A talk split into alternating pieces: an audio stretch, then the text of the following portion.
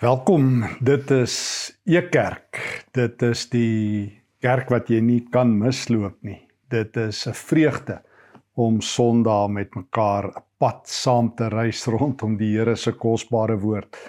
Ons saam met jou is uitverkoop aan die woord van die Here. Dit is soos Psalm 119 vers 105 sê: Die lig vir ons pad, dit is die lamp vir ons voet. En kom ons bid, Here, gee dat u self die lamp sal aansteek en die lig sal wees en die lig vir ons nou sal wys uit u woord. Amen. Ek gesels 'n rukkie gelede, so 'n paar weke gelede, uh iewers in die Vrystaat waar ek moes praat met iemand na die tyd. Sy vertel vir my en sy het gesê ek mag die verhaal deel dat ehm um, sy nie voel haar Christelike lewe is op standaard nie sy dra net te min vrug. Dit is die standaard storie van baie mense se lewe. Ek het al vertel van my geliefde skoonmoeder wat 'n paar maande gelede oorlede is. En sy het in my oë 'n Christelike lewe geleef, second to none. Sy het die Here gedien met oorgawe, mense liefgehad, tweede myle geloop, derde myle geloop. En hoeveel keer het ons nie die gesprekke in die laaste paar maande voor haar dood gehad nie dat sy net gevoel het sy maak dit nie. Sy het nie juis 'n lewe geleef wat tel nie. En ek onthou ook ehm, 'n um, ander tannie wat vir my skool gehou het. 'n Paar jaar gelede toe sy nog ook hier in Kempton gebly het, loop sy eendag by 'n ouete huis waar Ekerk ook 'n kosbediening het en kos uitdeel. En sy vra vir die mense wie is hulle? En hulle sê e kerk en uiteindelik hoor die tannie dat ek ook daarbey betrokke is en sy sê ek ken vir Stefans ek het vir hom skool gehou. En sy sê vir iemand wat daar betrokke is dis die eerste keer in my lewe dat ek die kerk in aksie sien. Um pleks dat dit my bly gemaak het, het dit my hart seer gemaak want Daardie tannie het Voyager myle in kerk besoek gehad. Sy het letterlik elke Sondag in die kerk gesit in haar gemeente, maar nooit het sy 'n prentjie gevorm van die kerk wat effektief is of dat gelowiges 'n effektiewe Christelike lewe kan en moet leef nie. Het het prediking dit aan ons gedoen dat ons die heeltyd maar net hoor nie goed genoeg nie, nie goed genoeg nie, nie goed genoeg nie, te min en te laat, te min en te laat. Kan ons saam met Paulus sê, um, ek jaag die nuwe lewe na in Filippense 3. Kan ons saam met hom sê, uh ek het die goeie wedloop alreeds afgelê. Nou wag die oorwinningskroon. Kan ons met verwagting uitsien omdat ons geleef het soos die Here vra. Nee, nie met arrogansie soos daardie tollenaar in Lukas 18 wat op sy eie bors slaan en sê Here, kyk net watter sukses is ek nie maar kry ons dit reg om gewone lewens op buitengewone maniere vir die Here te leef. Terug na die dame daar in die Vrystaat aan die ander kant Bloemfontein wat vir my gesê het sy leef nie dink sy op standaard nie. En in dieselfde asem vertel sy vir my dat sy iewers in die Noord-Kaap uh, met opleiding besig was in die week of wat vroeër en dan naby Danielskuil kom sy op 'n ongeluk af, 'n motorongeluk wat pas gebeur het. 'n Motor het daar van die pad afgeloop en in 'n sloot beland. Sy sien die insittende is nog in die motor en sy haas soontoe. Sy's eerste op die toneel. Al die ander karre ry verby. Sy stop. Sy haal die persoon met groot moeite uit die motor uit. Uh kry haar selfoon byderhand, kry uiteindelik 'n ambulans gekontak, maar die vat ehm um, ure om op te daag. Intussen ry motors verby een of twee hou stil, kyk en ry weg. Sy stabiliseer die persoon. Uiteindelik trek sy haar baadjie uit en sy maak hom toe sodat hy uh, van skok aan die bewe is en daarom net warmte voel terwyl haar baadjie oor hom is. Na ure waar sy by hom sit, sy hand vashou om uh, stabiel maak hierdie vreemdeling, stop die ambulans en hulle ry weg Sy maak haar goedjies bymekaar, klim in haar motor en gaan voort met haar dag wat onderbreek is. Paar ure later vertel sy, kry sy 'n teksboodskap van hierdie man. Hierdie vreemdeling wat haar vriend geword het in daai ure, soos jy sou kon dink en hy sê vir haar, "Can I buy you a cold drink?" Die man van die plakkerskamp wat ehm um, ook nie eers ehm um, gemaklik is in ander in ander tale nie, is die man wat haar vra, "Can I buy you a cold drink?" En ek sê haar, "Jy's bekommer oor jou geestelike groei. Ek wil ook graag so 'n middelmatige Christen soos jy wees." Jy's die grootste in die koninkryk. Jy is die moderne Samaritaan. Jy het die pad oorgesteek. Jy weet dit nie eers nie, maar jy het vandag waarskynlik jou grootste tydlose heldedaad verrig wat die hemel tot in ewigheid sal onthou. Want God onthou, onthou jy? Lukas 14. Hy onthou wanneer jy die armes, die krepeles, die verlamdes en die blindes uitnooi. Hy onthou wanneer jy 'n beker koue water uitdeel. So ek wil graag vir vandag by so 'n paar Bybelfigure stil staan. Ek wil hulle noem vergete, oorgeslaane Bybelfigure wat dit ehm um, reg gekry het om in daardie vlietende oomblikke of in 'n deurlopende manier die Here se oog te vang. Hulle het gewone lewens buitewoon geleef. Ehm um, en ek sluit aan by die eerste persoon wat van 'n situasie 'n goddelike moment gemaak het. Ons het dalk al vergeet van haar. Haar naam is Ragab. Dit lê 'n klokkie. Die verspieders in Jerigo, Joshua 2. Die verspieders wat uitgestuur is deur Joshua en hulle kom toe in Jerigo en ek lees hier in um Joshua 2 vers 1. Hulle is toe weg en het uitgekom by die huis van 'n prostituut met die naam Ragab en daar tuis gegaan. Die koning van Jerigo het berig gekry dat daar in die nag van die Israeliete af mense aangekom het om die land te verken. En hy het vir Hagab laat weet: "Lewer die manne uit wat na jou toe, na jou huis toe gekom het. Hulle is hier om die land te verken." En dan lees ons hoe Hagab hulle weggesteek het en laat weet het dat hulle ehm um, nie meer daar is nie en ehm um, dat hulle uit die stadspoort weer uit is maar sy het hulle na haar huis weggesteek en uiteindelik het sy vir hulle gaan sê dat sy hulle lewens gered het en dat hulle dieselfde uh, aan haar moet doen.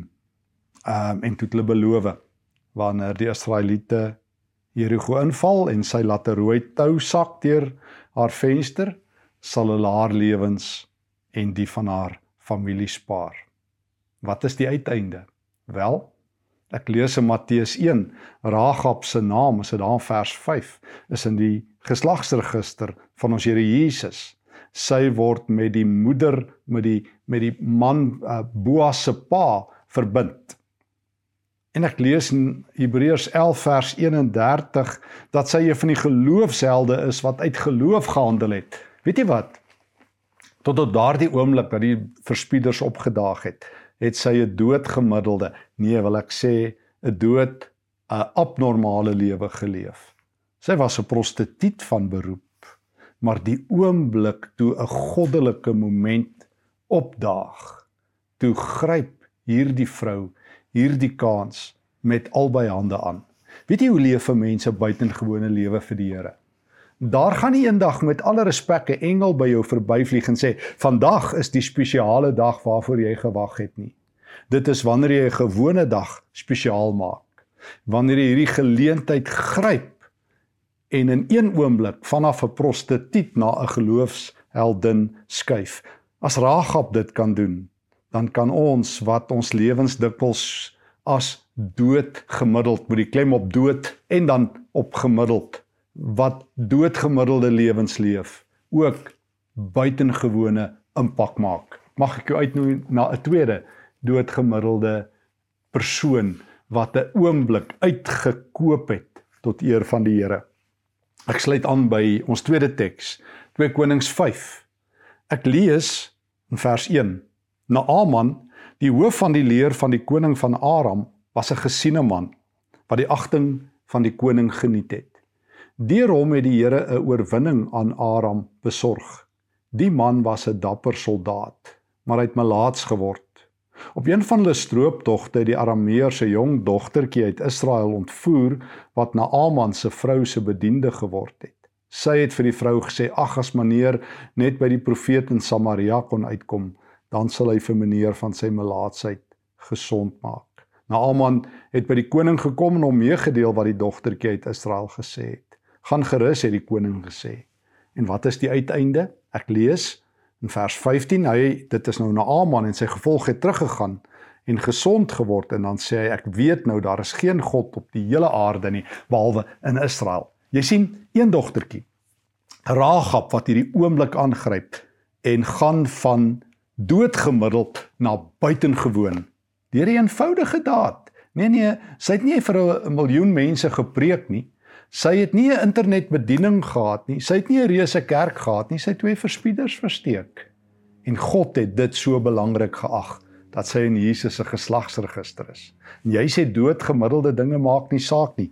Nog nog meer doodgemiddeld as jy wil. 'n Jong dogtertjie, 'n slavin in die huis van Naaman, 'n Israelitiese meisie wat weggevoer is. En sy hoor die generaal is melaats en sy gryp daai geleentheid. Van agter die skottelgoed gaan sy na die generaal se vrou toe en sê: "Sê vir die sê vir die generaal hy moet Israel toe gaan. Elisa is daar." Net dit. Net hierdie klein oomblik maak haar tydloos, maak haar gemiddelde lewe bo gemiddeld. Sy lees 'n situasie, sy stap in daai situasie in en sy word een van die Here se heldinne, 'n skottelgoedwasser, 'n slavin. En jy sê jy kan nie iets buitengewoon vir die Here doen nie, maar natuurlik kan jy. Jy kan aan diens wees agter die potte en die panne. Ons het ehm um, verlede keer ook verwys na Brother Lawrence wat skottelgoed gewas het vir die Here in die klooster en wie se boeke vandag nog vanaf die 17de eeu tot vandag tydloos is. Hy het gesê selfs om 'n strooihalm op te tel vir God is lewensbelangrik. Ek wil jou uitnooi na 'n derde persoon wat van dood gemiddeld na bo gemiddeld in een oomblik gegaan het. En ek blaai na Jeremia hoofstuk 38, so Ragab die dogtertjie na Aman se kombuis. En nou 'n man in Jeremia 38 vers 7 met die naam Ebed Melek. Dis waarskynlik sy titel. Dit beteken in Hebreëus knegg van die koning. En hy is Hy is een van die koning se knegte en ek hoor hy's 'n kesiet en ek hoor hy's ontman. Nou dalk onthou jy ook Jeremia 13 vers wat se 23 se woorde net so min as wat 'n luiperd van kolle kan verander, net so min kan 'n kesiet van veldkleur verander. Hierdie is um, net soos die Ethiopiër van Handelinge 8 is hierdie 'n man uit Afrika, 'n persoon van kleur. Hy beleef slegte tye in Jerusalem. Die stad is besig om te val. Die Babiloniërs is rondom hulle.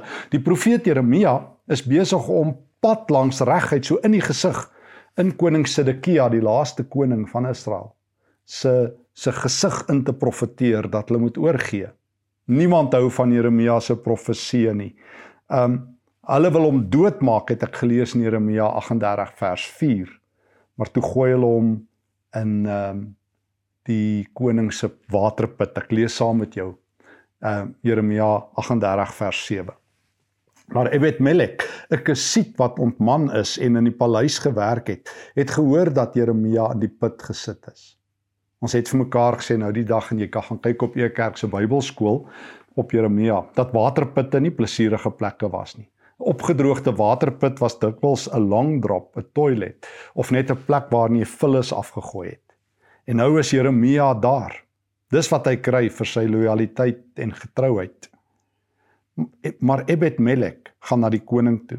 Die koning het in die Benjaminspoort gesit en Ebed Melek het uit die paleis uit na die koning toe gegaan en gesê: "U Majesteit, ehm um, die koning, die mense het die profeet Jeremia sleg behandel en hulle het hom in 'n put gegooi en hy sal daar van die honger omkom want daar's nie meer brood in die stad nie." Die koning het toe die Kusit Ebed Melek beveel: "Vat 3 man van hier af saam en trek die profeet Jeremia op uit die put voordat hy sterf." Ebed Melek het toe 3 manne gevat en hy's na die paleis se klerekas toe waar hy stukke klere, vodde gevat het. Hy het dit na Jeremia toe in die put laat afsak met toue en vir hom gesê: "Sit die stikkende klere, die vodde onder jou armholtes in toue." Jeremia het dit gedoen. Hulle het hom uitgetrek uit die put Daarna het hy in die binneplaas van die paleiswag gebly. 'n Vlietende opmerking. Iemand waarvan niemand weet nie, ek meen net jy al van Ebed Melek gehoor. Maar hy maak 'n gewone oomblik 'n goddelike oomblik. Hy stel sy eie lewe in gevaar. 'n Slaaf praat nie sommer met 'n koning nie. Jy kon jou kop verloor as die koning nie in 'n goeie by was nie. Maar Ebed Melek is 'n man van die Here. Net soos Ragab weet sy weet hy hierdie is 'n oomblik. Net soos die dogtertjie na Aman se kombuis weet hy hierdie is 'n goddelike oomblik. Nee nee, elke oomblik is 'n goddelike oomblik. Ons het so uitdrukking jy moet op die regte tyd op die regte plek wees. As jy 'n gewone lewe vir die Here leef, as jy altyd aan diens, is enige oomblik die regte oomblik. Dan is dit nie toevallig maar net dat as jy daar by die soos die Samaritaan, daar by die man wat onder die rowers verbyval, dat jy sê, "Aha, ek het 'n spasie oop in my dagboek, laat ek maar gou help nie." Dan meld jy aan as die Here op jou knoppie druk. Al is jy elke dag besig om skottelgoed te was, as jy hoor hier is 'n oomblik om 'n getuie te wees, dan gaan praat jy met die generaal se vrou. Dan red jy die verspieders. Dan gaan red jy Jeremia. Deur hierdie een man se heldedaad is Jeremia se lewe gespaar en kon hy nog vir jare lank profeteer. Maar dit is nie net altyd in hierdie spesiale oomblikke dat ehm um, jy uh, die Here se werk doen. Die partykeer is dit deur aanhoudende getrouheid dat jy 'n verskil maak vir die Here.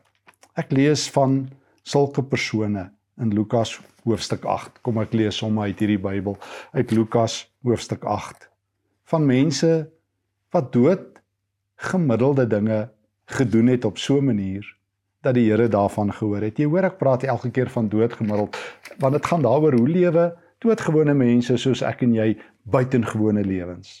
Wel, die gebruik oomblikke as goddelike oomblikke, soos Ragab, soos die skottelgoedwasser, soos Ebed Melek. Maar jy leef jou lewe elke dag um in die teenwoordigheid van die Here.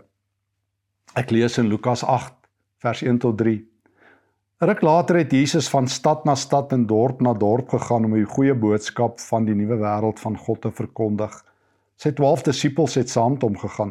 Saam met hulle was daar ook sommige vroue uit wie hy bose geeste verjaag of aan siekes gesond gemaak het. Hulle was Maria Magdalena uit wie hy sewe demone gejaag het, Johanna die um, vrou van Gussa, 'n belangrike bestuurder van Herodes, die heerser van die gebied, Susanna en nog baie ander. Hulle het uit hulle eie sakke vir Jesus gesorg. Net dit. En hulle name word in die Bybel genoem.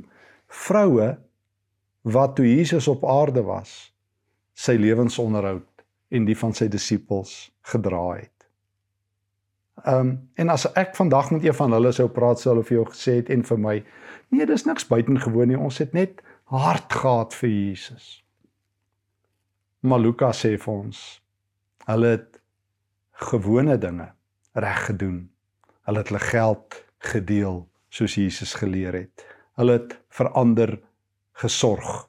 Hulle het verander ter wille van ander. Verander verander. Die drie vroue wat vir Jesus gesorg het. Ek loop nog so 'n vrou raak wat ehm um, uitgeblink het, wat dag tot dag op haar pos was, So jy sien ons sien hierdie drie persone, Ragab en die dogtertjie en Ebed Melek wat hierdie goddelik gewone oomblikke goddelike oomblikke maak en nou loop ons raak in persone soos hierdie vroue wat net getrou was maand na maand vir Jesus gesorg het. Ek loop nog so 'n vrou raak in Romeine hoofstuk 16. Febe. Wat 'n vrou. Paulus beveel haar aan in sy aanbevelingsbrief. Nou ehm um, Ek lees saam met jou uh, Romeine 16 vers 1. Ek beveel graag vir Febe baie sterk aan by julle. Paulus is nou in Korinte en hy skryf die Romeine brief. Hy sê sy is ons suster in die geloof. Sy is 'n dienskneg in die geloofsgemeenskap daar in Kengree naby Korinte. Kengree was een van die twee hawe dorpe van Korinte. Korinte het twee hawens gehad, Kengree en Legaion, uh, twee dorpe. En nou hoor ons van 'n vrou En hoor nou sy's 'n dienskneg maar nog meer vers 2. Verwelkom haar met oop arms in die Here se naam, want sy onthou nou sy's op pad Rome toe. Paulus praat nou oor hierdie vrou van Korinte. Hy sê ontvang haar met gasvryheid soos wat dit pas. uh by die Here se heilige kinders. Ondersteun haar in enige saak waarvoor sy julle hulp mag benodig. Weet ook dat sy 'n belangrike weldoener is. Sy is goed vir baie mense, insluitend myself. Julle toe ek hierdie teks een keer in in in Grieks lees, toe dit my onderste bo gebul. Ek onthou jare gelede doen ek navorsing in Duitsland en ek kry so 'n Latynse teks waar ek het so 'n bietjie oor weldoeners navorsing gedoen. En hierdie Latynse teks sê, ou antieke teks, dat die Latynse woord patronus se Griekse ekwivalente prostates of 'n prostatus is.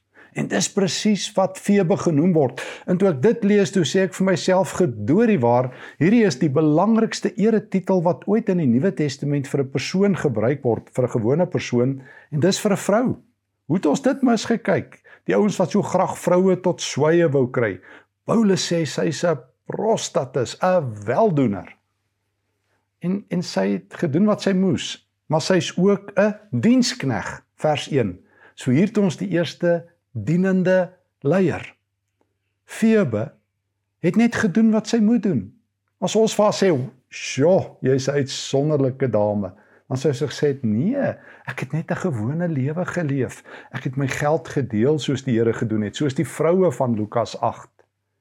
Um ehm, ek het doodgewoon reg en goed gedoen. Ek was getrou op my pos. Ek het elke dag vir die gemeente gehelp. Ek het elke dag vir Christene gesorg.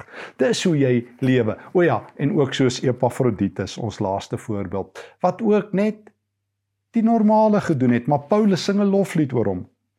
Epafroditus ehm um, word gestuur terwyl Paulus in die tronk is deur die gemeente van Filippi. Ek lees in Filippense 2 dat ehm uh, vers 25 en wat ons nou weet uit na Paulus toe gekom namens die gemeente van Filippi en vir Paulus kom sorg en toe word hy siek. Nou is hy gesond en nou stuur Paulus hom terug. Ek lees saam met jou. Filippense 2 vers 25. Ek het dit ook ek het ook gedink dit is nodig om Epafroditus na julle toe terug te stuur.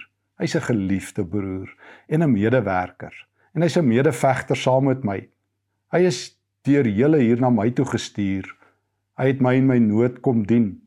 Hy het julle almal baie gemis. Ook was hy baie ontstel omdat julle gehoor het dat hy baie siek was. Epafroditus was so siek dat hy by die dood omgedraai het. Maar God was hom genadig, nie net vir hom nie, maar ook vir myself Hy het gekeer dat ek nie met droefheid op droefheid beleef nie. Daarom is ek baie opgewonde om hom na julle toe terug te stuur. As julle hom sien, gaan julle baie bly wees. En dan sal ek baie minder bekommerd wees oor julle. Verwelkom Epafroditus terug in die naam van die Here met groot blydskap. Respekteer mense soos hy. Deur sy toewyding aan die Here se werk was hy self baie naby aan die dood. Hy het sy eie lewe gewaag om my by te staan en te dien toe julle dit nie kon doen nie. En Paulus sê dieselfde in hoofstuk 4 vers 18. Ek self het alles ontvang wat ek nodig het om van te leef. Ek het meer as genoeg. Julle het vir my gesorg in oorvloed. Toe Epafroditus hier aangekom het, het ek julle geskenke ontvang. Dit was soos 'n aangename reukoffer daar in die tempel, soos 'n offer waarvan God hou. Epafroditus het maar net gedoen wat hy moes doen, soos die vroue in Lukas 8. Dit was vir hulle normaal om vir Jesus te sorg. Lukas sê, dis eintlik wanneer jy 'n normale Christelike lewe abnormaal leef. Um Febe het net gedoen wat sy moes doen. En Paulus sing oor haar. Sy sê ouens, nee nee, ek het maar net die normale Christelike lewe gedoen. Epafroditus, hy het vir Paulus gaan sorg en toe word hy siek en toe sterf hy amper. Hy het kos gebring van Filippi af want in die tronke in daai tyd was daar nie kos nie. Mense moes vir jou kos vat. En hy het dit gedoen en hy het Paulus gedien en nou gaan hy weer terug en Paulus klap hande en hy sê dis een van die Here se helde. En Epafroditus sê ek in die Bybel, ek het net 'n doodnormale ding gedoen. Sou jy dit nie ook gedoen het nie? Sou jy ook nie vir jou broer kos gevat het nie? Sou jy ook nie vir Jesus gesorg het as jy kon nie? Sou jy ook nie die gemeente gedien het nie? Wat is so buitengewoon daaraan? Nee, dis die normale Christelike lewe. Dit is leefbaar. Dis juist die punt. Die dame wat daar gestop het by Daniel se skuil wat die straat oorgesteek het by wyse van spreuke wat die man uit die motor gaan haal het. My um, in daardie oomblik het sy net gedoen wat sy moes doen en toe ek vas sê dis buitengewoon sê sy nee, sê ek toe maar die Here klap hande. Jy is een van sy heldinne. Toe ehm um, Ragab die verspieders gehelp het, het die Here hande geklap. Toe die dogtertjie in 2 Konings 5 agter die skottelgoed was daar uitgekom het en uh gehelp het, het die Here hande geklap en sy is in die Bybel. Toe Ebed Melek Jeremia se lewe gered het in daai oomblikke. So jy sien, hier's die ding. Die Christelike lewe is 'n lewe van oomblikke en van 'n lewe wat normale dinge eintlik vir die Here elke dag doen. As jy aan diens agter die skottelgoedwasser, sal jy iemand se lewe red, sal jy stilhou, sal jy jou huis oopstel en net mense dien? Wel, dit is die lewe van Jesus.